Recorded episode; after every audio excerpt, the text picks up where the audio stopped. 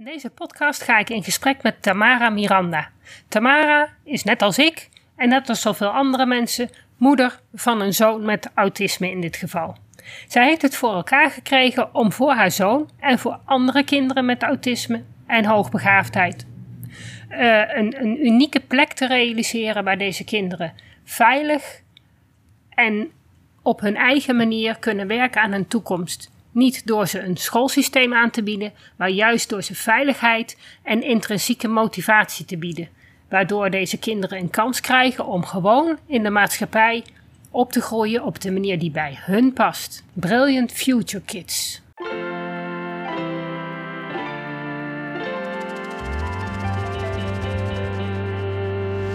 Welkom bij de Beelddenkers podcast. Ik ben Natasja Esmeijer van Beeldig Brein en de schrijfster van het boek Beelddenkers als kwartjes vallen. Ik neem jullie mee in de wereld van de beelddenkers. Beelddenkers zijn creatieve, intelligente en zorgzame mensen, maar ze hebben moeite met onze vluchtige, snelle maatschappij. Dat begint al op school en het werkt door in het werkende leven. Ik ga in gesprek met leerkrachten, ouders van beelddenkers en met de beelddenkers zelf natuurlijk.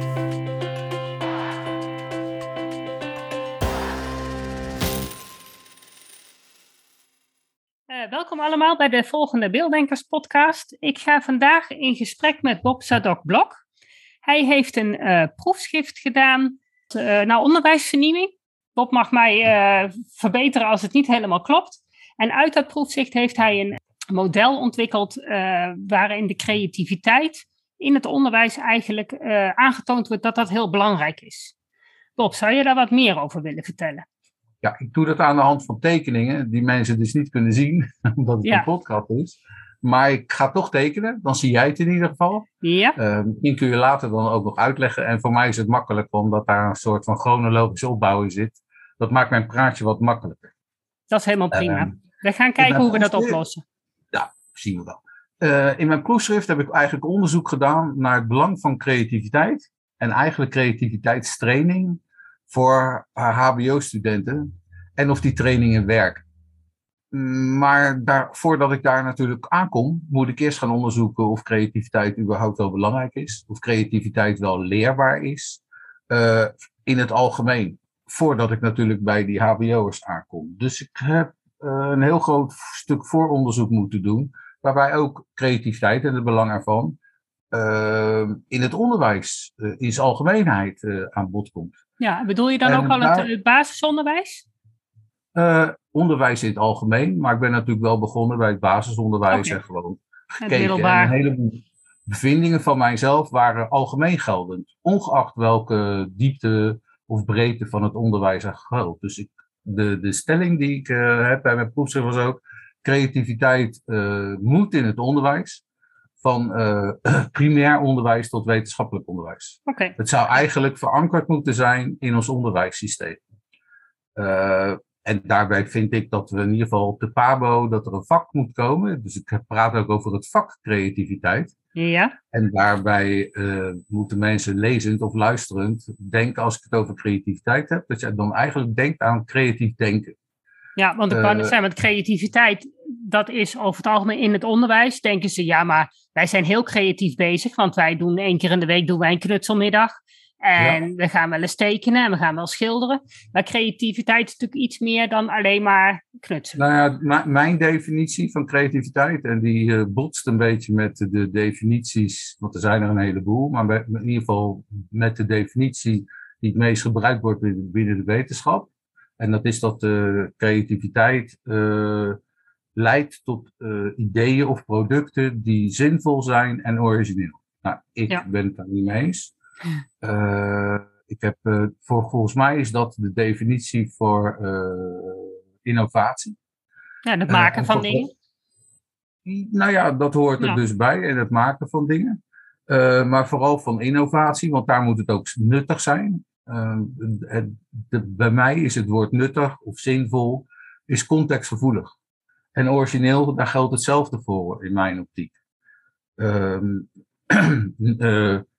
nou, een voorbeeld geven van nut. Uh, toen uh, Van Gogh zelf schilderde, toen werd het, zijn werk werd verguisd. En nu zou ik er wel eentje aan mijn muur willen hangen. Dan zou ik hem denk ik verkopen. Nu is het ineens heel Ja, veel waard. Ja, ja, ja, Ja. Dus dat zegt iets over de context van eh, waardevol. Ja. En eh, voor originaliteit is ook heel erg lastig. Want neem nou dat je een eigen kind of een buurmeisje, maakt niet uit, een heel jong kind, die bedenkt een fiets. Heeft van zijn leven nog nooit een fiets gezien, maar bedenkt Mhm. hem wel. Ja. Zeg ik dan als ouder, ah, stom idee. Want sta- kijk eens in de straat, er staan er duizenden. Eh, of is dat binnen de context en de belevingswereld van een keer super origineel? Ja, ik denk het eerst, of de, Ja. het laatste. Het, het laatste, ja. En dat heeft dat kind maar mooi bedacht. Eh, Mhm. dus ook originaliteit is heel erg contextgevoelig. Ja. En om die reden, eh, ik vind dat een definitie niet contextgevoelig mag zijn. Die moet Nee, algemeen geldend zijn onder alle omstandigheden. Ja, maar Want creativiteit zoals wij dat ehm, binnen het beelddenken zien, is ook veel breder dan alleen maar dingen maken. Dat is ook creatief denken en gewoon oplossingen verzinnen. En nou ja, net waar je welk probleem tegenaan loopt, daar maak je iets creatiefs mee. Of dat nou met Jij je handen is. breder, ik- of met jij je noemt brein. het- Jij noemt Ja. het breder, ik noem het juist smaller. Ik heb dus de definitie verengd. Eh, Creativiteit is voor mij eh cognitief proces dat leidt tot ideeën. Oké, ja, nou ja, dat is inderdaad, dan, dan maak je het wel weer heel breed. Omdat cognitief Nou, nee, eigenlijk heel smal. dat je nadenkt. Ja. Ja, Omdat maar ja. ik daarmee de contextgevoeligheid eraf haal. Gewoon, Ja, dat klopt. Het leidt tot Ja. ideeën. En of ze goed of slecht zijn, of dat ze waardevol zijn, eh, of origineel, dat moet de praktijk maar uitwijzen. maar dan is dat kind wat die fiets bedenkt. Ja. En Van Gogh zijn ook ineens binnen die definitie eh, gedekt, zeg maar. Ja. Eh, dan hoef je dat niet, ook niet helemaal uit te leggen. Je kan gewoon zeggen. Als je, de- en, en dan is eigenlijk daarbij dus nog, hoe meer ideeën je hebt, hoe, hoe creatiever je bent en hoe Mhm. groter de kans is dat er ook goede, maar ook slechte, Ja. dat er ook bruikbare eh, en originele, en noem ze allemaal Ja. maar op, Ja, ideeën nou ja, het is ook, je hebt natuurlijk op een gegeven moment heb je een probleem en daar wil je een oplossing voor. Of je verzint iets en misschien moet je dan het probleem erbij zoeken, maar of was er nog geen Ja. probleem. Maar, maar goed, dat is wel Dus- dus inderdaad. ik- het, eh, Ik zou dan graag creativiteit als vak, dus creatief denken eigenlijk, ja, op de pabo's al willen voorschrijven. En, en waarom vanaf de pabo's? Nou, het is het begin van ons onderwijs. Daar leren dat is zeker het begin van ons onderwijs. eh, leerkrachten leren daar eh, Ja. kinderen opleiden. Ja, ik licht hier ook even mijn kuchje droeg. dat is een nawee van corona dat ik twee jaar geleden had. ja, Ehm, zou je vergeven. ja, ik hoop, ik hoop de luisteraars. En eh, nou ja, daarom vind ik dat, dat het bij de PABO zou moeten. En daar ga ik me ook wel hard voor maken. Ik ga, eh, ben nu bezig een stichting eh, het leven, in, het leven te roepen. Waarmee ik dan zeg maar door Nederland ga trekken. En eh, ook lezingen ga geven als het een beetje mag. En eh, als dat weer kan, want dat kan niet weer. Om die voorlichting, het verhaal wat ik nu vertel, ga ik dan Ja. eh, aan de hand van misschien een PowerPoint-presentatie. Of in ieder geval van een presentatie, ga ik dat uitleggen. En zo ga ik voorlichting geven. En dit is de basis van eh, mijn hele voorlichting. Oké, nou, ik ben heel benieuwd. nog veel meer. Maar dit is het begin, want als mensen de bewustwording hebben van eh, eh, het moet in het onderwijs, als je die, Mhm. die, bewust, die bewustzijn dus kunt kweken bij jezelf en je staat daarachter, dan wordt het ook makkelijk om de vervolgstappen te ondernemen. En voordat we naar jouw voorlichting gaan, ehm, Ja? Ik wil het even naar het beelddenken trekken, want nou ja, dat creatief Ja, denken is, is natuurlijk toch eh, voor beelddenkers wel eh, de essentie van hoe, zij, hoe hun brein werkt. Mhm. Wat natuurlijk op het onderwijs, in het onderwijs eh, niet heel erg aan bod komt. Nee. En dan hebben we het inderdaad over de creativiteit in hoe ga jij leren leren, hoe ga je met informatie om. Dat moet op het, op het onderwijs eigenlijk via een bepaalde manier. En die manier, ja, dat is de taaldenkmanier, oorzaak en gevolg. Dat past Mhm. meestal niet bij die beelddenkers. Dus die creativiteit, als je dat als vak op de PABO zou geven, zou dat ook ten goede komen aan het beelddenkenonderwijs. Zeker, zeker. Het, het komt eh, het hele onderwijs ten goede, in mijn optiek. Dus ook het beelddenkonderwijs. Ja, nou ja, Eh, vooral ook omdat beelddenkers natuurlijk ook op hun eigen natuurlijke manier zouden moeten kunnen leren. En dat is Mhm. nu vaak niet het geval. Dus dat zou dan wel Nee. al. Dat geldt, de- geldt voor een hoop. Ik, ik, ik heb ook geregeld, eh, zit ik rond de tafel met mensen die uit het hoogbegaafdheidscircuit Ja. komen. En voor HB'ers geldt hetzelfde eigenlijk. Ja, maar HB'ers zijn natuurlijk gewoon beelddenkers. Uh, of, dat in alle, of dat in alle gevallen opgaat, weet ik niet ja, zeker. Dat maar... de, de, definitie van hoogbegaafdheid um, uh, houdt, dat verpakt ook het stuk beelddenken. Ben je geen beelddenker en je bent heel hoog, ho dan ben je gewoon hoog intelligent. Met, tenminste, Mhm. zo, uh, zo maak ik het onderscheid. Okay. Uh, voor zover dat nodig is, natuurlijk. Maar als je, als je naar de, de, de hoogbegaafdheid kijkt, dan is eigenlijk een onderdeel daarvan het beelddenken. Ja, veel, veel HB'ers zijn in ieder geval sowieso ook hoog creatief. Ja. Maar ook weer niet allemaal. Nee, zeker niet. En op, allemaal op een andere van, manier van, ook. Van de HB-mensen. Ja. Maar goed, dat is niet mijn expertise. Maar Nee. ik krijg er wel mee te maken, omdat Ja. natuurlijk creativiteit hoog op het. Nou ja, eh, en dat zijn de het kinderen, de leerlingen, die juist vaak uit dat onderwijs vallen, omdat ze juist Ja. zo, zoveel behoefte hebben aan die creativiteit en die autonomie. Ja. Ja. Dus vandaar Eh, dat ik ga, zal ik proberen met mijn tekeningetje te beginnen? Jij gaat beginnen met jouw tekeningetje. Dit is in ieder geval de titel van mijn eh, uitleg. Die kan je vast wel zien. Creativiteit moet in het onderwijs. Ja. En eigenlijk is de vraagteken, moet creativiteit, waarom moet creativiteit in het onderwijs? En dan zeg ik daarom. Dat is heel simpel. Ja. Dat is een leuke uitspraak van kinderen. Waarom moet Ja. dat? Nou, daarom. Daarom. En eh, nou, ik, eh, dit is dus eh, geboren in de tijd ehm, dat ik op zoek was, dus of creativiteit leerbaar was en of creativiteit eh, zinvol was voor, eh, in het onderwijs. En eh, daar, daar ben ik tegen een aantal dingen aangebotst en die samen weer dit nieuwe model hebben eh, ja, teweeggebracht eigenlijk. Mhm. En een van de eerste dingen die ik tegenkwam, dat waren, was taal en rekenen. Ja. En dat zijn de zogeheten kernvakken van ons onderwijs. Nou ja, dat was een gegeven dat die twee dingen dus eh, heel belangrijk zijn in het onderwijs. Ja. Want anders waren ze niet de kernvakken genoemd. Sterker nog, ons hele onderwijs is daar misschien wel, naar mijn mening, te veel op gericht. Dat klopt. Eh, Ja. Daardoor komen een heleboel andere eh, talenten niet aan bod in ieder geval, denk ik. Er wordt te veel tijd besteed aan die hele opbouw. Terwijl als je het op een andere manier zou inzetten, ze eigenlijk hetzelfde Ja. zouden bereiken. Maar eh, En ergens in, Zonder zoveel tijd 2011 erin. is dat, ergens in 2011 is dat volgens mij, kan een paar jaar naast zitten, is dat wetmatig eh, in de wet vastgelegd.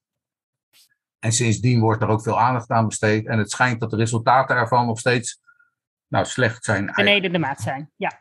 Ja, dus mensen zijn nog steeds niet goed in taal en rekenen op Nee, de EOV. Nee. Dus dat, dat, dat, dat vond ik in ieder geval eh, een interessant gegeven van nu, terwijl we tien jaar later zijn. Zowat.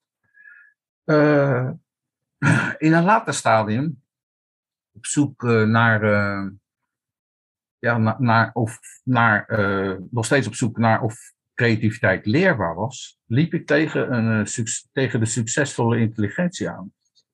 Ken je dat? Wat bedoel je? Ja, nee. Nou ja, zo heet dat. Als, Ja, als je het kent, dan zou je gelijk zeggen, oh, dat ken ik wel. Van een Ja, zekere Robert, Robert Sternberg. Die ken ik, ja. Ja, Robert- ik snap, ik, ik volg, ja, ik, nu je het zo zegt, eh, herken ik het proces, ken ik, eh, ken ik het, eh, het onderzoek, ken ik. Oké, Maar onze luisteraars waarschijnlijk niet, dus je mag dat rustig even toelichten. Ja. dus ik, dat schrijf ik ook weer even op dit plaatje. Ja, helemaal goed. Robert Sternberg, succesvolle intelligentie. Ik ben trouwens een beetje dyslectisch, maar dat, dat horen de mensen ook niet. Dat hebben wij helemaal geen last van. Ik kan af en toe iets raars opschrijven. Eh, en de succesvolle intelligentie bestaat uit drie vormen van intelligentie, zegt meneer Ja. Sternberg.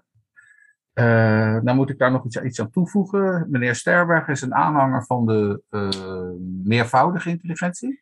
Ja, Net als G.P. Gilbert, ook eentje. En zo kan ik er nog een paar noemen, maar deze heb ik even paraat. Ehm, en ik ben daar zelf ook een aanhanger van. En waarom ben ik daar een aanhanger van? Omdat die mensen beweren dat intelligentie niet een vast cijfer is, zoals dat vaak uit IQ-test rolt, ja. maar dat het flexibel is. Dus Ja. je kunt het trainen. En Je kunt het trainen en het kan ook inderdaad zeker minder worden op het moment dat het jij je kan minder hersenen niet worden, gebruikt. maar het kan zijn dat het volgende week weer meer is. Eh. Dus het is ook nog tijdsgevoelig. Dus dat is, was voor mij nogal eh, belangrijk dat ik dat tegenkwam. En, ik, en meneer Sternberg sprak mij aan. Eh, in tegenstelling bijvoorbeeld tot G.P. Gilbert. G.P. Gilbert had een een of andere matrix van 9 bij 9 bij 9 of zo. Ik weet niet eens precies hoeveel, maar in ieder geval veel. En, en elk blokje had dan een eigen intelligentie of een, een variant op die intelligentie. Nou, dat kon ik nooit onthouden. Nee, dat is een beetje Dus lastig. daar werd ik niet blij van. En Nee. toen kwam ik Sternberg tegen en die had het in drieën verdeeld. Ja, die Ja, dat is, dat is duidelijk. Hè? Ja, dat vond ik, vond ik ook een duidelijk verhaal. Ja, want die andere, die andere 9 bij 9 bij 9 vallen daar toch allemaal onder. Dus Ja. dat maakt al, het, mij heeft het heel erg voor mij versimpeld. En ik hou wel van simpele dingen. En het is ook een simpele tekening, dus dat kan ik ook onthouden. Ja. Wat waren die Eh, die drie intelligenties? Voor Ja, de die heeft er drie. Die heeft eh, praktische intelligentie, Ja, eh, praktisch. Hij heeft analytisch ja. Daar zijn er. en hij heeft creatieve intelligentie. Nou, Ja. daar komt voor mij is natuurlijk de crux om de hoek kijken. Ja. Creatieve. Want die analytische intelligentie, dat, is, dat ligt heel erg bij de taaldenkers. Die zijn heel analytisch over het Eh, algemeen. net omgekeerd. De prak- de praktisch ligt heel erg bij taal en analytisch ligt heel erg bij rekenen. Eh, ja, oké, bij rekenen, maar een, taaldenker die is analytisch bezig met eh, informatie. Ja, maar ik zal zeggen waarom het zeg maar voor de wetenschap eh, zo is als dat ik net zei. Omdat, eh, nou ja, hier heb je dus drie namen. Ja, En ehm, ik zal daar gelijk even een Venn-diagram van maken. Dat is dan, zo, zo kwam ik hem ook tegen. Eh, bij praktische intelligentie, daar zit ook, volgens Sternberger, zit daar ook communiceren. Ja, En communiceren is taal, vandaar mijn verband met taal. ja. Eh, en analytisch is meer wiskundig, mathematisch, dus eerder rekenen. Ja. Ehm, wat ook bij praktische intelligentie zit, is eh, emotionele vaardigheden, dus emotionele intelligentie, de EQ, zoals we Ja. die kennen. Zit daar ook onder. Dus dat, ja, dat zijn dan weer de er beelddenkers die daar beter in zijn.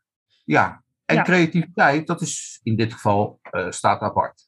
Ja. Eh, en hij maakt van die mensen, eh, hij zegt dat mensen in het algemeen te verdelen zijn in deze drie archetypes, heb ik het genoemd. Ik weet niet of hij het archetypes doet, maar... oh, dat, zal, dat is volgens mij een redelijk overkoepelende en, naam. en, ik, ik, en ik vertaal intelligentie naar talenten. Ja, Eh, dus de, je hebt mensen met praktisch intelligente vaardigheden, talenten, analytisch vaardigheden, talenten en creatieve intelligentie. ja, en ik heb ook wel het idee dat iedereen eigenlijk alle intelligenties heeft, alleen één intelligentie meer heeft. Nou, dat is waarom hij dan die archetypes maakt. En hij zegt de creatieve mensen, creatief denkende mensen, zijn degene die het verzinnen. Ja, De analytische zegt, kom maar hier met je, met je ding, dan ga ik eens kijken of het wel werkt. ja, En die praktisch denkende, dat is meer de verkoper. Die zegt, nou, Ja. kom, kom maar hier met jullie resultaten. Ik ga het wel proberen aan de man te brengen. En daar Oh, ik dacht, dus ik ga het juist maken, ik ga het produceren. Nee, dat, Nee, dat hij brengt het aan de man. Oké, hij kan eh, het- communiceren. Misschien gaat hij het ook wel maken, dat kan Ja. ook. Maar verkopen is belangrijker eh, in dit geval. eh, omdat die, die creatieve, die heeft al ook al een deel eh, gemaakt. En dat heeft de, de analytische ook gedaan. En dan zou de praktische daar een bijdrage aan kunnen leveren. Maar dan moet het nog aan de man gebracht worden. Ja, dat klopt. Eh, en daar heb je natuurlijk die eh, communicatieve vaardigheden voor nodig. En die emotionele intelligentie heb je daarvoor nodig. Ja. Dus die, dat zijn, en dat zijn ook wel mensen die in het gewone leven een beetje onderbelicht zijn. Er zijn eh, d- daar wordt niet echt bij stilgestaan. Je hebt er wel opleidingen voor, er zijn genoeg verkoopopleidingen. Ja. Maar om het vanuit deze context van meneer Sternberg te zien, dat Ja. eh, zie je niet vaak terug, zeg maar. Dat Trouwens, is inderdaad ook wel mooi dat je dat inderdaad loskoppelt. Want je merkt dat heel veel mensen in één van die drie heel goed zijn. Ja. En dus, nou ja, en als jij dus niet zo goed bent in die praktische intelligentie, dan kun je een heel mooi product hebben, maar krijg je het dus inderdaad toch niet verkocht. Nee, En dat is dan Nou ja, en er zijn gelukkig lastig. ook mensen, en ik denk dat jij daartoe behoort, en eh, ik behoor daar denk ik toe, eh, die alle drie redelijk even sterk hebben ontwikkeld. Ja, dat, eh, dat, dan, Nou ja, dan ben je het meest Ja. succesvol. Want dan ben je het het meest succesvol. Ja, ik vrees dat die praktische intelligentie bij mij toch nog net even schort. Oké. Maar Kijk, het- vanuit. Ik maak het middelste plaatje even, even grijs. Het middelste vakje. Ja. Dus ja, En je het hebt, je grijze hebt praktisch, omdat het- Het analytisch overlappende gebied en bepaalt feitelijk de mate van succesvolheid. Ja. Is de hoeveel in zijn totaliteit. Ik zal Kijk, even jouw je- plaatje beschrijven, dan weten de mensen waar je het over Oh. hebt. Je hebt uh, praktisch, analytisch en creatief heb je in een driehoek gezet. Heb je allemaal een cirkel omheen gezet. En die cirkels ja, overlappen. dat heet een Venn-diagram. Ja. En, en dan heb je één stukje helemaal in het midden dat dus overlapt. En dat heb jij grijs gemaakt. Ja, en dat is dus- natuurlijk de optelsom van de succesvolle intelligentie ja. van deze persoon. Maar goed, als ik creativiteit naar boven schuif, dan wordt natuurlijk dat grijze gebied groter en ook het, uh, uh, de mate van creativiteit neemt dan toe in zijn geheel. Ja. ja, als je een van de drie eigenlijk bijna niet bezit, dan gaat hij er helemaal uit en dan zul je toch een klein, dan klein gebiedje en houden. En dan wordt, wordt dat vlak wel heel anders. Ja, klopt. ja. Dus, uh, dan dus wordt eigenlijk moet je ze alle drie, alle drie bezitten. Je, maar, maar, dat bezitten we feitelijk ook wel. Hoor. Ik denk dat er niemand is die helemaal niks hiervan bezit. Um, wat daar ook prettig aan is, uh, aan dit model, dat zijn mijn eigen, is mijn eigen um, Inbreng. bevinding hiervan. Dat is omdat het om intelligentie gaat en om talenten, uh, gaat het om de intrinsieke, de intrinsieke mens. Um, het is universeel. Geldt voor alle mensen. Ja. En het is tijdloos. Oh, dat denk ik ook wel, ja. Eh, dus het gold al voor de mensen uit de prehistorie en over 300 jaar geldt het nog. En uh, dat vind ik wel een belangrijk gegeven, ook ten aanzien van onderwijsvernieuwing. Als het iedereen uh, betreft, dus ook beelddenkers en ook hoogbegaafden, of ook minder begaafden, maakt niet uit dan is het nog steeds uitgaande vanuit de talenten. En omdat het tijdloos is, is het ook natuurlijk iets voor het onderwijs, omdat het onderwijs onder zoveel jaar vernieuwd moet worden. En dit zou nooit vernieuwd hoeven worden. nee, nou ja, het inzicht, dat, moet, moet, ja, dat, dat blijft eigenlijk. De mens blijft de mens. Ja. Ja. ja. En dit is eigenlijk in drie balletjes getekend ja. een mens. en maar ongeacht welke en welk niveau. Daarna kom ik tegen uh, the 21st century. 21ste eeuw. Ja, skills. En ik schrijf, dat, ik schrijf dat expres uit elkaar. Ja. Uh, ja. Want daartussenin, daar hoort, uh, dat kwam ik dan via 21st century skills tegen, hoort daar de uh, education en, oh, past er niet meer tussen, en innovatieskills. Ja. heb ik er nu tussenin gezet. Dat is dus een apart segment. Het is maar goed dat de mensen het niet kunnen doen. Het is een apart segment van de 21st century skills. Ja, dus innovatie en educatie. Educatie en innovatie. De ja. 21st century education and innovation skills. Dat was voor mij ook heel belangrijk, want ik dacht, hé, hey, educatie, daar gaat mijn onderzoek over. En innovatie gaat feitelijk mijn onderzoek ook over. Ja. Omdat bij mij innovatie, um, zonder creativiteit geen innovatie. Creatief, nee, creativiteit kan wel zonder innovatie bestaan, maar omgekeerd niet. Nee. Uh, heel simpel gezegd, een, uh, een uh, innovatie is een creatief, creatief idee te gelden maken of in de praktijk brengen. Ja. Um, dat vond ik dus ook een heel prettig ding dat ik tegenkwam. En dat bestond ook uit, uh, uit drieën. En dat was eigenlijk gelijk al zo'n Venn-diagram. Zo. Ook weer uit drie bolletjes. Ik hou van dingen ja, met drie bolletjes. En die bestond uit, het kan zijn dat ik er daar eentje niet helemaal goed heb hoor, zometeen. Uh, die bestaat uit communicatie, samenwerking, samenwerking. Dit was probleemoplossend denken. En ik dacht ook analytisch. Plus probleemoplossende skills. En dit was, die onderste was creativiteit en innovatieskills. Uh, dat komt eigenlijk een beetje overeen met wat dat andere fan diagram ah, laat zien. Ja. Ja. Um, dit omdat dit bedacht is door uh, bedrijfsleven, overheden, die zeggen dat je deze skills moet hebben om succesvol mee te kunnen doen in de samenleving. Maar eigenlijk is dit, uh, hoe heet dat dan?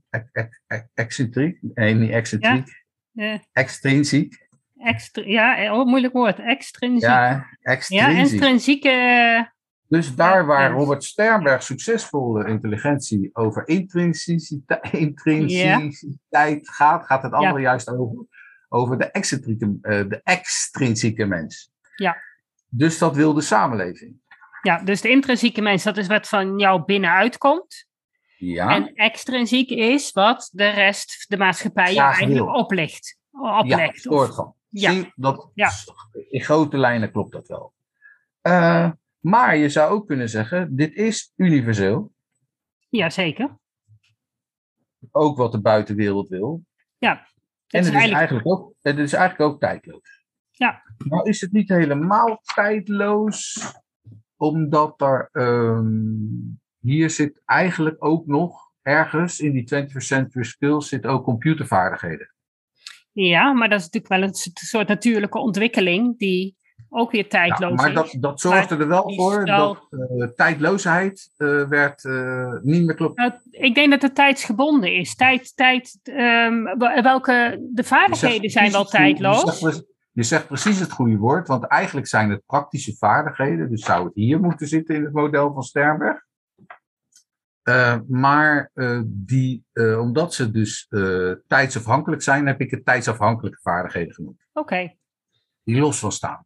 Eh, Ja. Want nog niet zo lang geleden was zwaardvechten zeg maar heel belangrijk. En achter de lopende band staan. Nou, dat ik, ik, ik denk heel erg aan die industriële revolutie, waarbij die stoommachines ineens opkwamen. Ja, heb je natuurlijk ook innovatie, creativiteit. Hoe gaan we dat Zeker. allemaal maar er staat bijna niemand meer achter de lopende band. Dus ze Nee. zijn zeer tijdsafhankelijk. Ja, dus die, die, die, over- processen die daarachter zitten zijn natuurlijk wel hetzelfde. Ja, maar daarmee heb ik de tijdsafhankelijke vaardigheden genoemd, omdat ze dan helemaal apart benoemd kunnen worden en ze Ja. niet per se in dit model thuis hoeven te zitten. Nee, ze hoeven niet per se in deze Ik heb eeuw. ook een ander onderwijsmodel bedacht en daar zitten ze er wel in, maar dat vertel ik zo even terzijde nog. Maar eh, in de, deze 21st century eh, edu- piept nog, education en innovation skills, eh, daar zitten ze niet. Maar ik benoem het wel even. Ja. Maar die zijn dus feitelijk ook, zoals ze hier staan, zijn ze dus ook tijdloos. Nou, en we hebben het al een paar keer over gehad. Ehm, dat, ik zal het eventjes pakken met een kleurtje.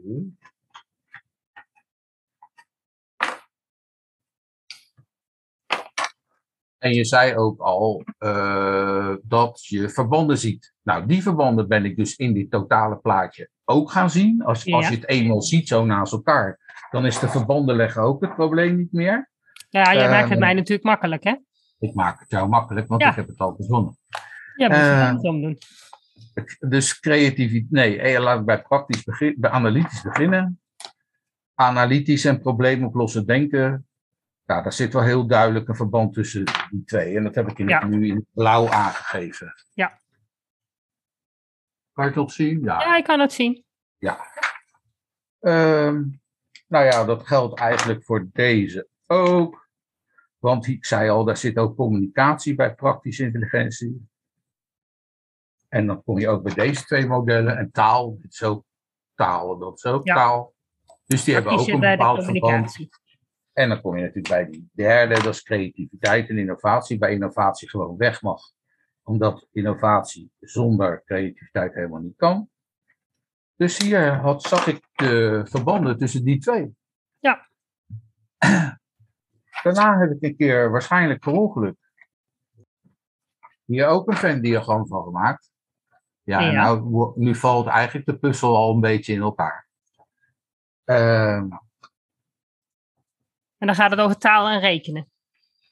En dan gaat het in dit geval over taal en rekenen. Dan beginnen we maar weer met blauw. Rekenen zit Ja. dus meer aan de analytische kant, aan de exacte kant. Dus rekenen stel je gelijk aan analytisch. Ja, in zijn totaal. hè. Het is niet Ja, alleen maar. rekenen, Taal is dan de rekenen. Het is communicatie. ook wiskunde en het is ook, eh, hoe heet het, eh, statistiek zit allemaal aan die kant. Ja. Dus het is allemaal de analytische kant. Ja, ja, ja. Dus dat is helemaal dat blauwe gebiedje geworden. Nou, toen zag ik natuurlijk de andere verbanden ook, heel logisch. Dat is het gele. Dus waar taal zit, dat past ook ineens nu hierbij en hierbij. Ja. Bij Ja. communicatie. En bij, En bij praktisch, praktisch. Bij praktisch zit ook taal in, communiceren. Dus toen was het rond. Dacht ik, tenminste daarmee zie je dat het aardig rond komt te zitten. Ja, En Dan weten wij al wat we missen. laatste stap. krijg je natuurlijk de laatste stap. ja, Ik heb er al vraagtekens in gezet. Ja, dus dan hebben we intrinsiek de belangrijkste talenten van mensen. We hebben wat de wereld wil, belangrijkste elementen. Maar ons onderwijs bestaat alleen maar uit deze twee, deze twee. En waar is creativiteit gebleven? ja Nergens. creativiteit is, eh, is ver te zoeken. Uit dit plaatje komt eigenlijk naar voren dat het erin moet. Het hoort Ja. erin. Ons onderwijs hoort ja. dus deze driehoek te hebben. Hoort deze driehoek te hebben. Hoort deze driehoek te hebben. Dus creativiteit. Ja. ja, de grote de afwezige.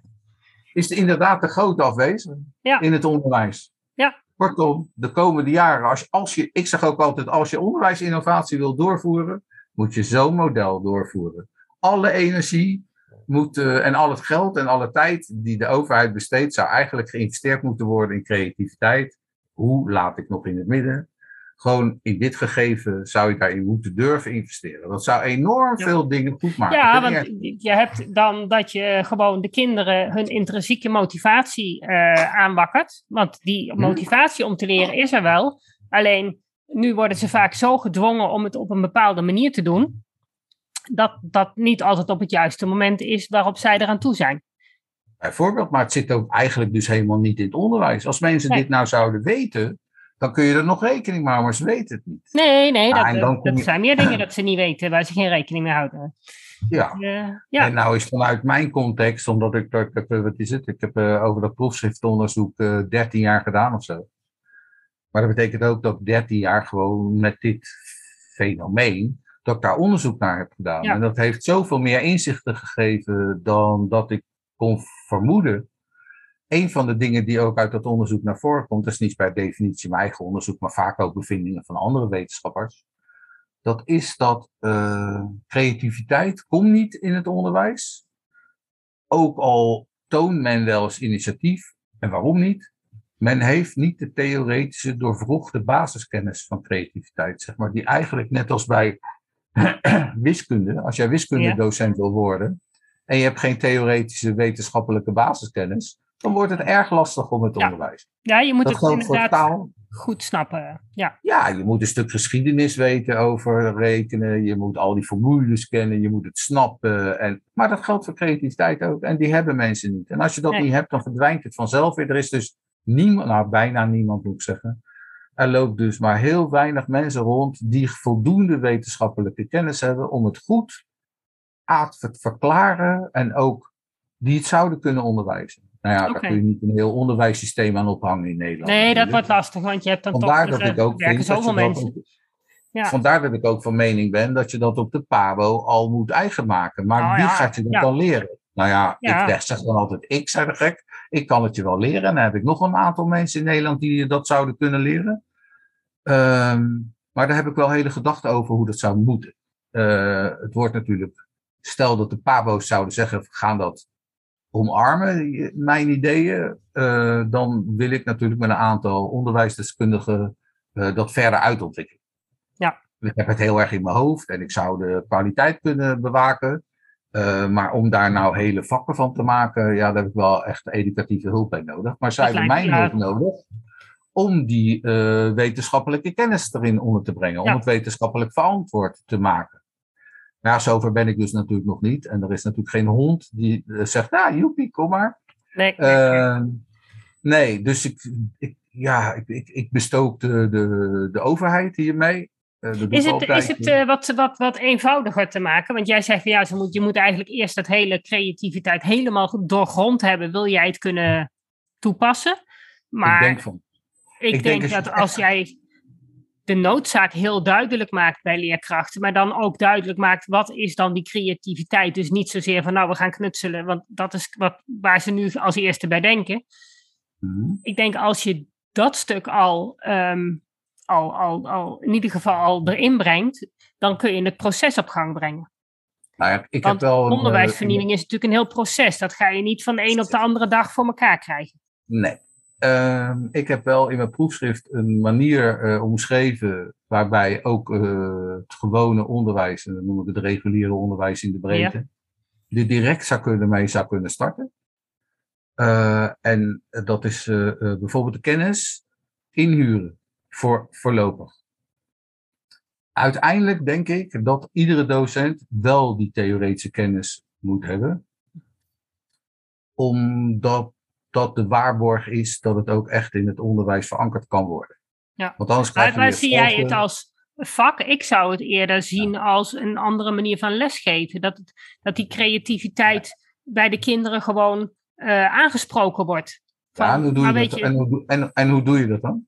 Nou ja, door niet. Uh, kijk, nu, als ik, als ik nu, wat ik zie, ik kom niet uit het onderwijs, maar ik, ik begeleid kinderen. Dus ik, ik zie van die onderwijsboekjes, uh, rekenboekjes, dat, dan, dan echt vanaf groep drie uh, worden ze eigenlijk bij de hand genomen.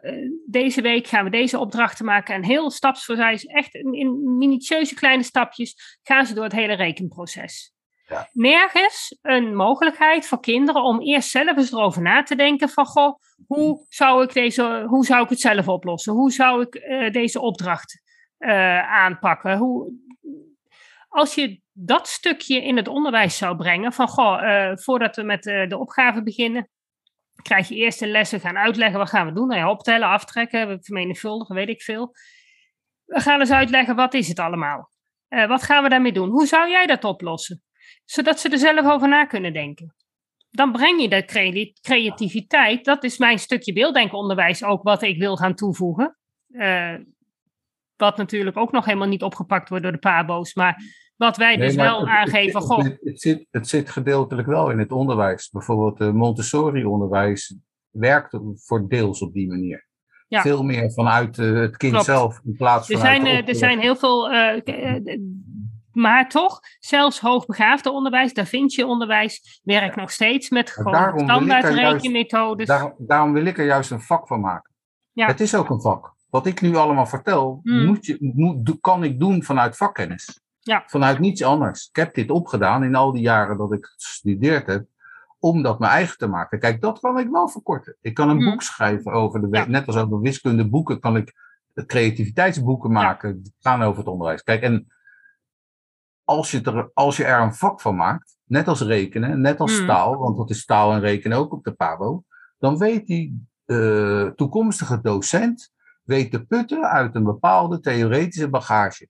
Die kan, als hij dat zich eigen heeft gemaakt, en dat kan soms best ook wel gewoon heel een rijtje uit je hoofd geleerd hebben, mm. wat bijvoorbeeld voor creativiteit belangrijk is. Net als dat Sternberg, ja, dat is nou niet echt heel creatief. Ja, het is creatief door Sternberg bedacht.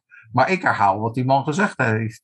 Ja. Um, en dat is wel belangrijk voor het fenomeen creativiteit. Als je dat plaatje niet kent, dan weet je feitelijk niet wat de grondslag is daarvan. Nou, en dat is heel essentieel. En die docent kan twee dingen doen met zijn creatief, creatieve vak. Eén, hij kan zijn eigen vakken creatiever gaan vormgeven. Ja. Hij kan dus inderdaad gaan zeggen, oh, er zijn ook andere manieren, of er is een andere manier, of de kinderen vragen erom. En hoe ga ik dat nou toepassen? Dat kan hij, omdat hij creativiteit als vak heeft. Dus hij kan zijn creativiteit en gebruiken om dat als vak aan de kinderen over te brengen. Want als de kinderen dat leren, kunnen ze dat, dat ook in de breedte uh, toepassen. Uh, dus dat aparte vak heeft twee uh, grondslagen en ook twee belangrijkheden. En één daarvan is dus vak doorsnijdend, dus het komt in alle vakken terug. Mhm. En het is vak overstijgend. Ja. Dat betekent dat het op zichzelf kan staan, dat het, op, dat het in hele andere situaties gebruikt kan worden.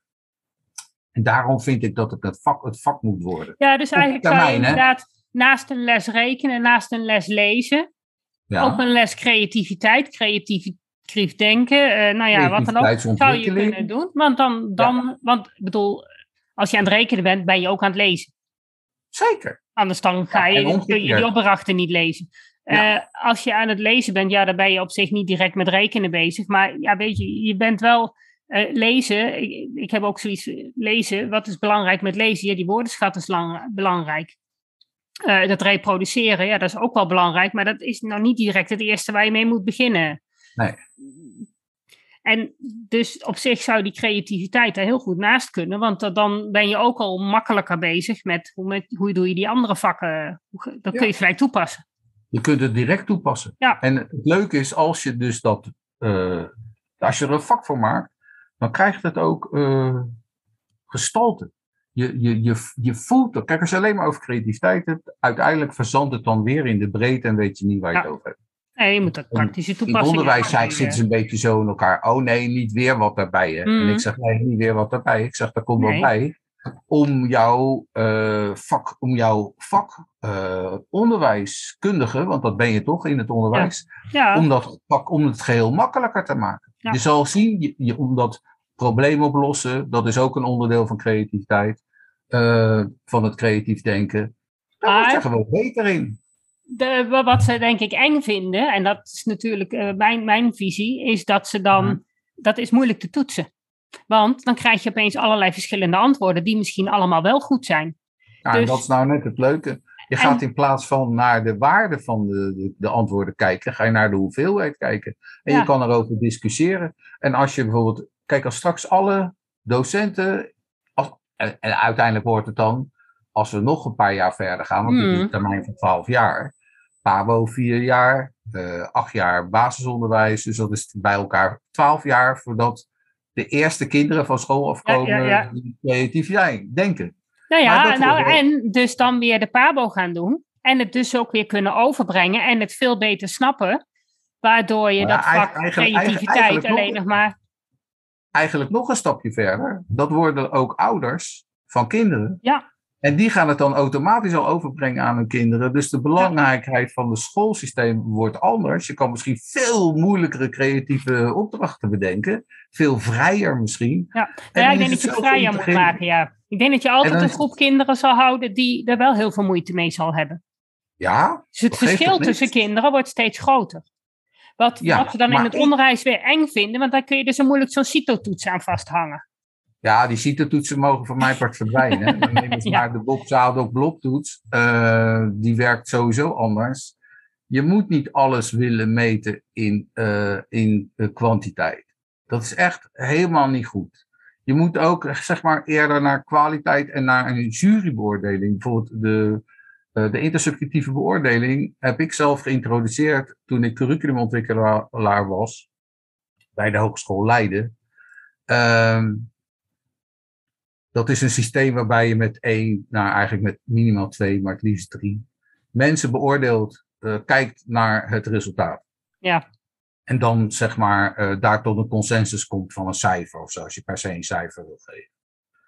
Dus dat is heel anders dan de CITE-toetsen, waarbij je er Ja. gelijk direct al een cijfertje uitrolt aan de hand van allerlei modellen en algoritmes. Dat is hier niet het geval. Nee. Maar dat, dat zorgt er ook voor dat creativiteit net anders beoordeeld zal moeten worden. Maar één ding kun je heel makkelijk vertellen. Bijvoorbeeld, ik, er is zijn van die testen dat je divergent denken meet. En divergent denken binnen de wetenschap dan wordt dat wel heel erg geassocieerd met eh, creatief denken. Kun je dat even Eh, toelichten, divergent denken? Oh, Voor de eh, luisteraars? divergeren, dat is eigenlijk eh, simpel gezegd eh, elementen verzamelen. Zoveel mogelijk dingen verzamelen. Convergeren is naar één punt toe werken. Ons onderwijs zit een beetje convergerend in elkaar. Zeker CITO-toets is meestal maar één goed antwoord. Ja. En dat heet een convergentie. En die twee dingen samen, dus die, en als je dat vertaalt naar het denken, dan is dus divergent denken dat is zo ruim mogelijk om je heen kijken eh, van allerlei elementen die nodig zijn om het probleem op te lossen. Dus dan ben je mogelijke oplossingen aan het verzamelen. En op een gegeven moment kom je op een punt dat je eh, naar een oplossing toe werkt. En dan eh, ga je eens kijken bij al die, in die verzameling wat nuttig kan zijn om tot die convergentie, tot die oplossing te komen. En dat zijn de twee manieren van denken die vaak als, als driehoeken worden getekend binnen het denken. En dat wordt dan meestal zo getekend. Twee Ja, je hebt twee tegen driehoeken elkaar. tegen elkaar en dan heb je de ene... Dus vanuit Ja. niks naar zoveel mogelijk. En dit is van de hoeveelheid weer terug naar één Ja, oplossing. dan ga je van, van links naar rechts ga je vanuit een punt naar, een, naar de lijn, naar een grote brede lijn. En van daarna ga je weer terug. Dat is convergerend. Ja, Dit is zeg maar de, de tijdseenheid. Ja. Dat is tijd. Zo is het. Ja. De T staat voor tijd. Ehm, nou ja, dat zijn allemaal van die dingen die je uh, moet weten om creativiteit te kunnen geven. Ook dit moet je kunnen uitleggen aan kinderen. Ook dit moet duidelijk worden in je verhaal naar de kinderen. En ook dit moeten de kinderen gewoon eigenlijk weten hoe het werkt. Je gaat eerst gewoon ideeën verzamelen en vervolgens ga je naar een oplossing toe. En er zit natuurlijk wel, als je, uh, als je naar het brainstormen kijkt. Zijn, mijn, mijn dochter, mijn oudste dochter, die had op een gegeven moment een, een TOM-traject, traject op maat, voor de, voor de wat slimmere kinderen. En die hadden inderdaad, die wilden een uh, escape room wilden ze maken. En toen hebben ze inderdaad een uh, soort programma gekregen waarbij ze eerst heel erg uh, ideeën moesten verzamelen. En nou, kijken wat is haalbaar, hoe gaan we het aanpakken. Dus er zat een hele opbouw in. Ja. En dat is al wel, dat vond ik wel een, al een heel mooi moment waarop zij dat creatief denken mochten toepassen.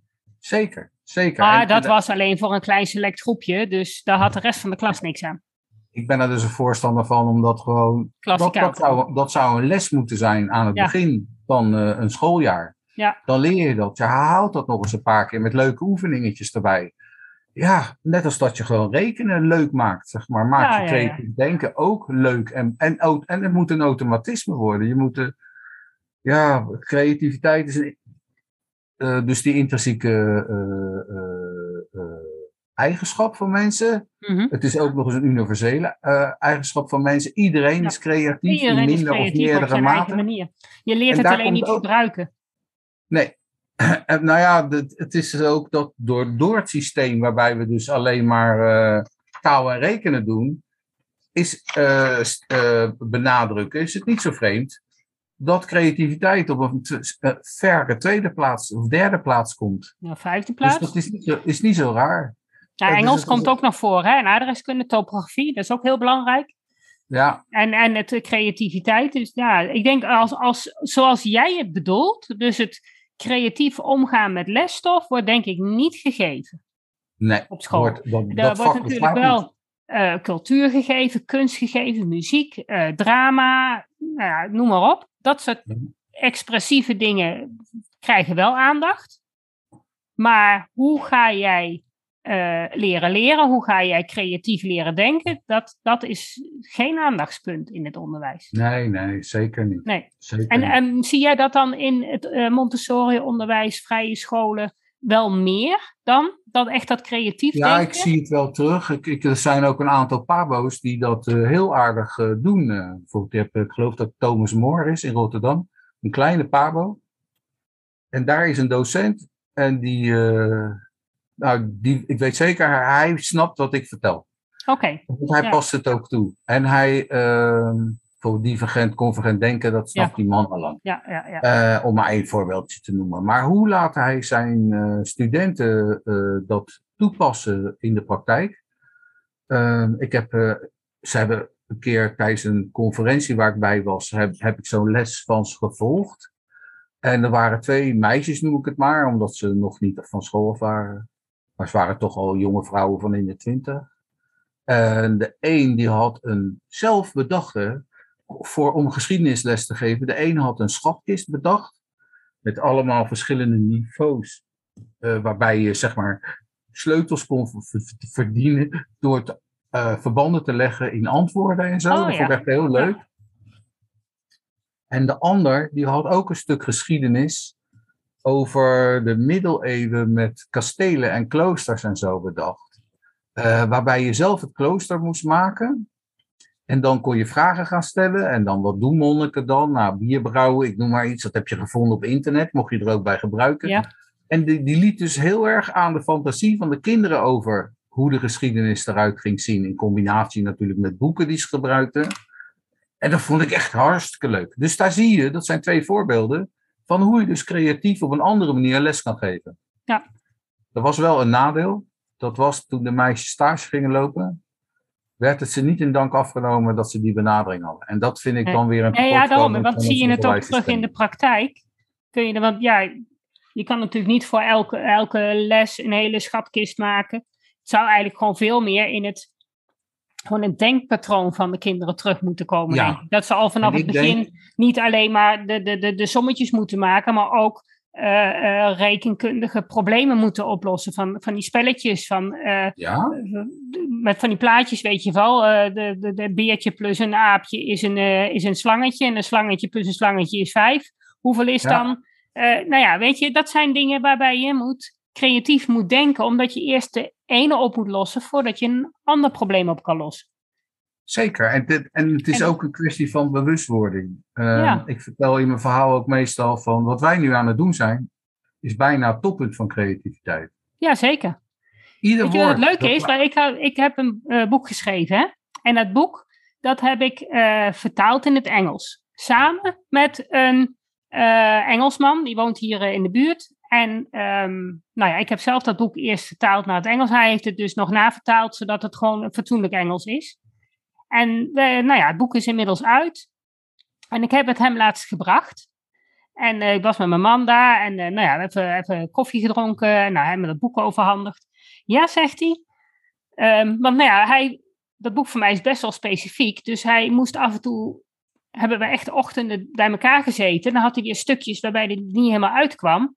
Zo van, ja, hoe zullen we dit nou eh, benoemen? Hoe kunnen we die zin mooi maken dat het goed overkomt? En hij zei, ik heb die, die, die ochtenden en het vertalen ervaren als muziek maken. Hij zei dat, dat dat hele proces van hoe gaan we dat doen, hij zegt, ik had er achteraf gewoon het idee van, ja, ik was zo creatief bezig. Dus ik vond het heel mooi dat hij dat zo benoemde. Van, je maakt iets. Eigenlijk, we waren soms een kwartier bezig om één woord te vinden. Maar hij ervoer dat gewoon echt als zo creatief bezig zijn. Ik herken ook, en ik gebruik zelf ook eh, muziek vaak. Ik ben zelf ook muzikant. En ik weet nog goed toen ik gevraagd werd door de Hogeschool Leiden om, le- om les te gaan geven. Dat ik een eh, voor die, die man snapte er waarschijnlijk helemaal niks van. Maar dat ik zei dat een goed vak eh, net, een net een muziekcompositie is. Ja. En ik tekende vier toetsenborden die allemaal met elkaar in harmonie, zeg maar, muziek moesten maken. En ja, dat stond dan voor docenten en vakkennis en alles samen. Ehm, maar zo kijk ik heel erg ook naar eh, hoe, hoe het onderwijs in elkaar zou moeten zitten. Ja. En niet allemaal losse methodes, die allemaal apart en weet ik. Het is eigenlijk één groot geïntegreerd gedeelte. Ja, je, hebt het mensen overal, alles loopt in elkaar over, je hebt het overal bij elkaar nodig. De geschiedenis ook, als ik dan met die, met, met die jongeren bezig ben, dan wat ik dan gelijk doe is, ja, maar kijk, dat was in dezelfde tijd als dat er in de rest van de wereld eh, nou ja, de slavenhandel was. En toen gebeurde er in Nederland dit. Dan kunnen ze plaatsen hoe het allemaal gaat. Dan gaat het leven. Dan, Ja. Hoe zou jij je voelen als je daar als slaaf zou moeten? Mhm. eh, Mhm. maar ook plaatsen van ja, maar slavenhandel, dat was al heel gebruikelijk. Ik bedoel, het is niet zo dat wij Nederlanders hebben bedacht van laten we de, sla laten we de slaven eens uitvinden. Nee, die slaven waren er al heel lang. Eh, alleen wij hebben bedacht dat we ze daar gingen roven. Weet je, op die Ja. manier kun je, kun je veel, snappen ze veel beter eh, de context van wat ze aan het leren zijn. Ja, en, En dat mis ik wil- heel erg. Wat, wat ik, en daarom zei ik dat dat straks ook, daar wilde ik nog naartoe, dat is dat al dat gesprek wat wij nu voeren, Ja, dat is een, eh, kun je vergelijken met improviseren bij muziek. Ja, Eh, want ieder woord dat wij zeggen, althans in potentie, is de bedoeling om een ultieme oplossing te zijn. Want anders snap je mij niet. nee, dat klopt. Ja, Komt er alleen maar een zootje woorden uit waarvan jij de samenhang helemaal niet door hebt, de context. nee. Dus Nee, want het begin van de podcast hadden wij geen idee waar we zouden Dus- eindigen. En zo leg ik het ook uit dat kinderen, als jij eh strakjes een boterham moet smeren, maar je weet nog niet wat je erop wil, dan is eigenlijk in jouw hoofd het creatief proces al eh, begonnen. Want jij gaat denken, wat heb ik allemaal in de kast staan? Wat Ja, kan ik allemaal in? doen? Heb ik pindakaas? Waar heb ik zin in? Nou, noem maar op. Ja. En eh, dat geldt voor bijna alles wat mensen doen. Ieder ding is eh, een, creatief oplossen. Heb je creativiteit voor nodig om het op te lossen. En dat kan van alles zijn. Welke pen ga ik gebruiken? Eh, ik heb hier een, een dode hoek in mijn, eh, in mijn keuken. Eh, wat kan ik daarmee? Moet er een kastje komen? Wat voor kastje moet er komen? Nou, zo kan je, en als je daarover nadenkt, ook als kind, en als je dat van je docent nou leert, en die geeft daarin ook de goede voorbeelden, ja, dan gaat dat vanzelf vallen, dat muntje. En dan ga je dat begrijpen en denk je, oh, is dat creatief denken? Kan al heel En dan lijkt het ook niet meer zo moeilijk. Nee, en dan is het dus ook niet meer zo moeilijk. Dan snap je ook dat het voor iedereen weggelegd is. En dat als mensen zeggen, ja, ik ben niet creatief, dan bedoelen ze altijd, ik kan niet tekenen of zo. Ja, ja, ja. Maar iedereen is creatief. En er is nog iets wat ik heel eigenlijk belangrijk vind in deze tijd. Er wordt zo erg gesproken over kansenongelijkheid. Maar doordat dat balletje, wat er nog niet was, zeg maar, in dat model ja, van dat die balletjes. creativiteit in de talen en rekenen. Creativiteit Ja. zit dus niet in ons onderwijs. Dus feitelijk worden we geamputeerd opgevoed. Ja. Zo noem ik Ja. dat. Ja, want Op juist die creativiteit is ontzettend hard nodig. Ja, en als je dat nou wel in het onderwijs stopt, dan krijgt ieder kind, ongeacht het niveau, de kans om een creativiteit, net als taal en rekenen, om dat te, te Ontwikkelen. ontwikkelen. naar een niveau zoals we dat met elkaar bedacht hebben. Zo, in ieder geval krijg je de kans om het te ontwikkelen. Ja.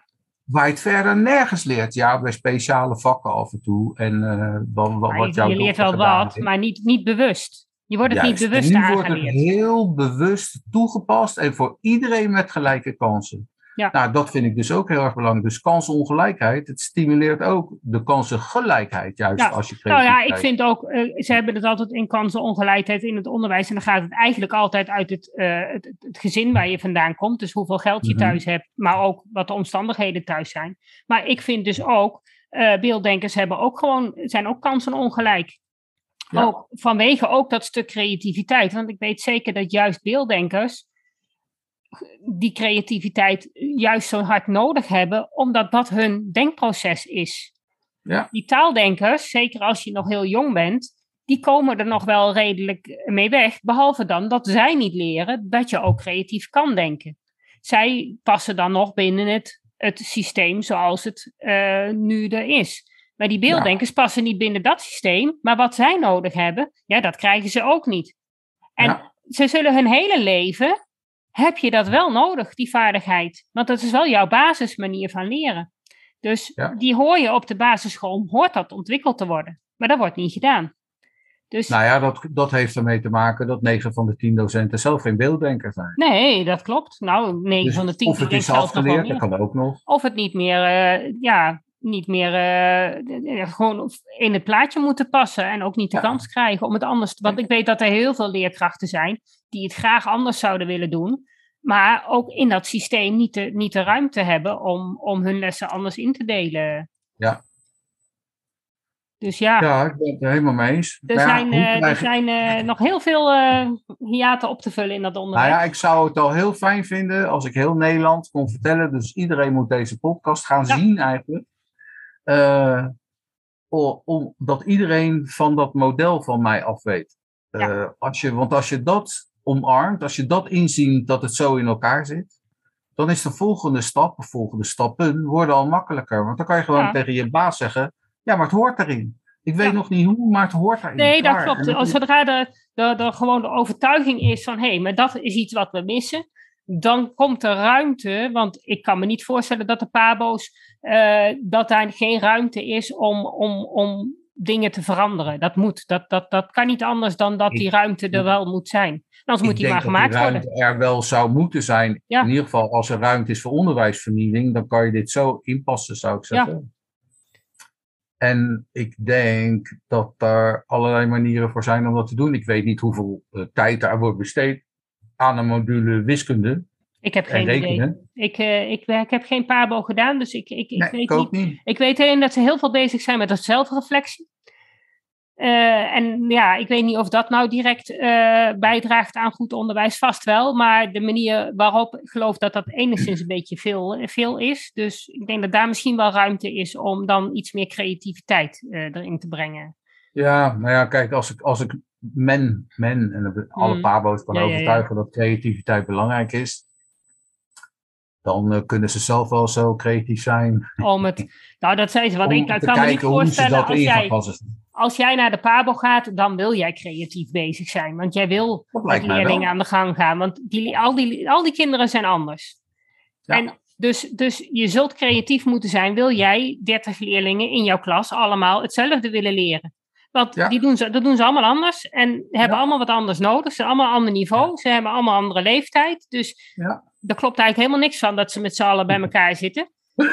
Maar goed, Nee. dat is het systeem wat we hebben. Prima, dat kan ook. Maar als jij, ik denk dat het jezelf ook een stuk makkelijker maakt. Ik Als jij- zeker. Gewoon eh, zegt, nou ja, het eind van het jaar moeten we met z'n allen kunnen lezen en we moeten met z'n allen kunnen rekenen of tot een bepaald niveau. Nou, dit moeten we gehad hebben. Als je daar wat vrijer in bent wanneer je wat doet, dan weet ik zeker dat eind van het jaar die kinderen dat allemaal kunnen, naar hun eigen vermogen. Ja. Maar dan moeten ze wel de kans krijgen om hun eigen natuurlijke leerproces te volgen. Ja, dat kan misschien in het systeem niet 100%, maar het is wel dat fijn dat niet. voor een groot gedeelte Ja. in ieder geval gestimuleerd wordt. Ja, kijk, je Ja, zult dat toch... dat eh, ook gestimuleerd wordt. Dat je, Ja. Want er zit nog iets bij. Dat, dat, er komt, eh, ik denk dat beelddenkers, eh, ik praat nu eigenlijk vanuit hoogbegaafden, heel veel hoogbegaafden eh, hebben ook gebrek aan zelfvertrouwen. Ik denk dat Ja. bij beelddenkers ook zou kunnen, dat want je wordt niet serieus genomen. En, en, en eh, je moet eigenlijk een, een, een hoogbegaafde zien als een, een hele intelligente beelddenker. Dus wat, ja, zoiets. ja, Nou ja, en het kan ook best eenzijdige intelligentie zijn of zo. Bijvoorbeeld mijn zoon die, eh, eh, is nogal, die zit aan de analytische kant, aan de wiskundekant. En hij ehm, heeft altijd wiskunde sommen kunnen oplossen zonder dat hij zelf wist wat de, de oplossing was. Hij wist Ja. gewoon het antwoord. Ja. En hij heeft ook een keer gehad op school, ik geloof de eerste klas, de brugklas of zo, inmiddels is hij 25. Eh, maar ehm, toen schreef de juffrouw iets op het bord en toen zei de juf, dat is fout. Nou, die jongen die, die werd echt de grond ingeboord. In plaats Ja. van dat ze vraagt, joh, kom eens naar voren, Ja. leg eens uit hoe het moet. Dan kan je er nog wat van leren. En dan denk je, wat heb ik hier voor een een of andere Ja. briljante gek in de klas? Hoef je niet te zeggen, maar mag je wel denken. ja. En, maar die jongen die is er zo van geschrokken, heeft nooit meer zijn Ja. mond open. Nee, nee, maar dat is, dat is wat er op school gebeurt. Als je niet binnen het plaatje past. Ja, Ja. dat is waarom er zoveel kinderen thuis zitten en waarom ik een heel boek aan het schrijven ben. Om deze kinderen toch eindelijk eens te laten zien dat ze gewoon heel normaal zijn. En ja, dat het onderwijssysteem gewoon niet geschikt is Ja. voor beelddenkers. Ja, is je Nederlandse boek Ja. ook al uit? Is op de Ja, markt? het Nederlandse boek is al anderhalf jaar op de markt. Of bijna twee jaar op de markt. Oké. En eh, hij is nou net in het Engels. En ik, in april, eh, komt, eh, april of mei komt het boek voor jongeren uit. Mm-mm. Dus eigenlijk hetzelfde soort boek, maar dan helemaal geschreven voor jongeren. Dat ze zelf weten van, ja, hé, hey, ik ben wel normaal. Nee, dat systeem, dat, dat werkt niet. ja. Ja. ja. Dus- Nou, ik... Ja, geval, dit was in ieder geval mijn verhaal. Ik, Ja. ja, ik kan uren erover doorpraten, maar dit ik was in denk ieder dat het verhaal duidelijk is. Ik ben er heel blij mee. Ik Nou. wil je heel hartelijk danken. Ben ik ook blij. En ik jou ook voor de tijd. Graag gedaan. Dat was het weer voor vandaag. Bedankt voor het luisteren en superleuk dat je erbij was. Ik hoop dat je weer een beetje meer ontdekt hebt hoe gaaf, maar ook hoe lastig het kan zijn om een beelddenker te zijn in een wereld die is ingericht voor taaldenkers. Wil je meer weten? Lees dan mijn boek Beelddenkers als kwartjes vallen. Wil je op de hoogte gehouden worden van alle informatie die ik deel over beelddenkers in het onderwijs? Klik dan op de abonneerknop in je podcast-app. Wil je dat er meer mensen op de hoogte zijn van hoe beelddenkers anders denken? Laat dan een review achter, zodat er steeds meer mensen in beweging komen om het beelddenken serieus te nemen. Heb je nog tips of vragen? Of ben jij of je kind een beelddenker en wil jij je verhaal delen? Laat het me gerust weten. Wil je als ouder of leerkracht echt weten hoe het allemaal werkt bij je kinderen of bij jezelf? Kom dan naar een van de cursussen. Duik helemaal in het onderwerp en kom erachter dat beelddenkers helemaal niet zo anders zijn en best in ons onderwijssysteem passen, als je maar weet hoe ze denken. Ik geef speciale cursussen voor ouders en voor professionals. Voor meer informatie ga je naar www.natasjaesmeijer.nl. Samen gaan we voor een beelddenkvriendelijke wereld.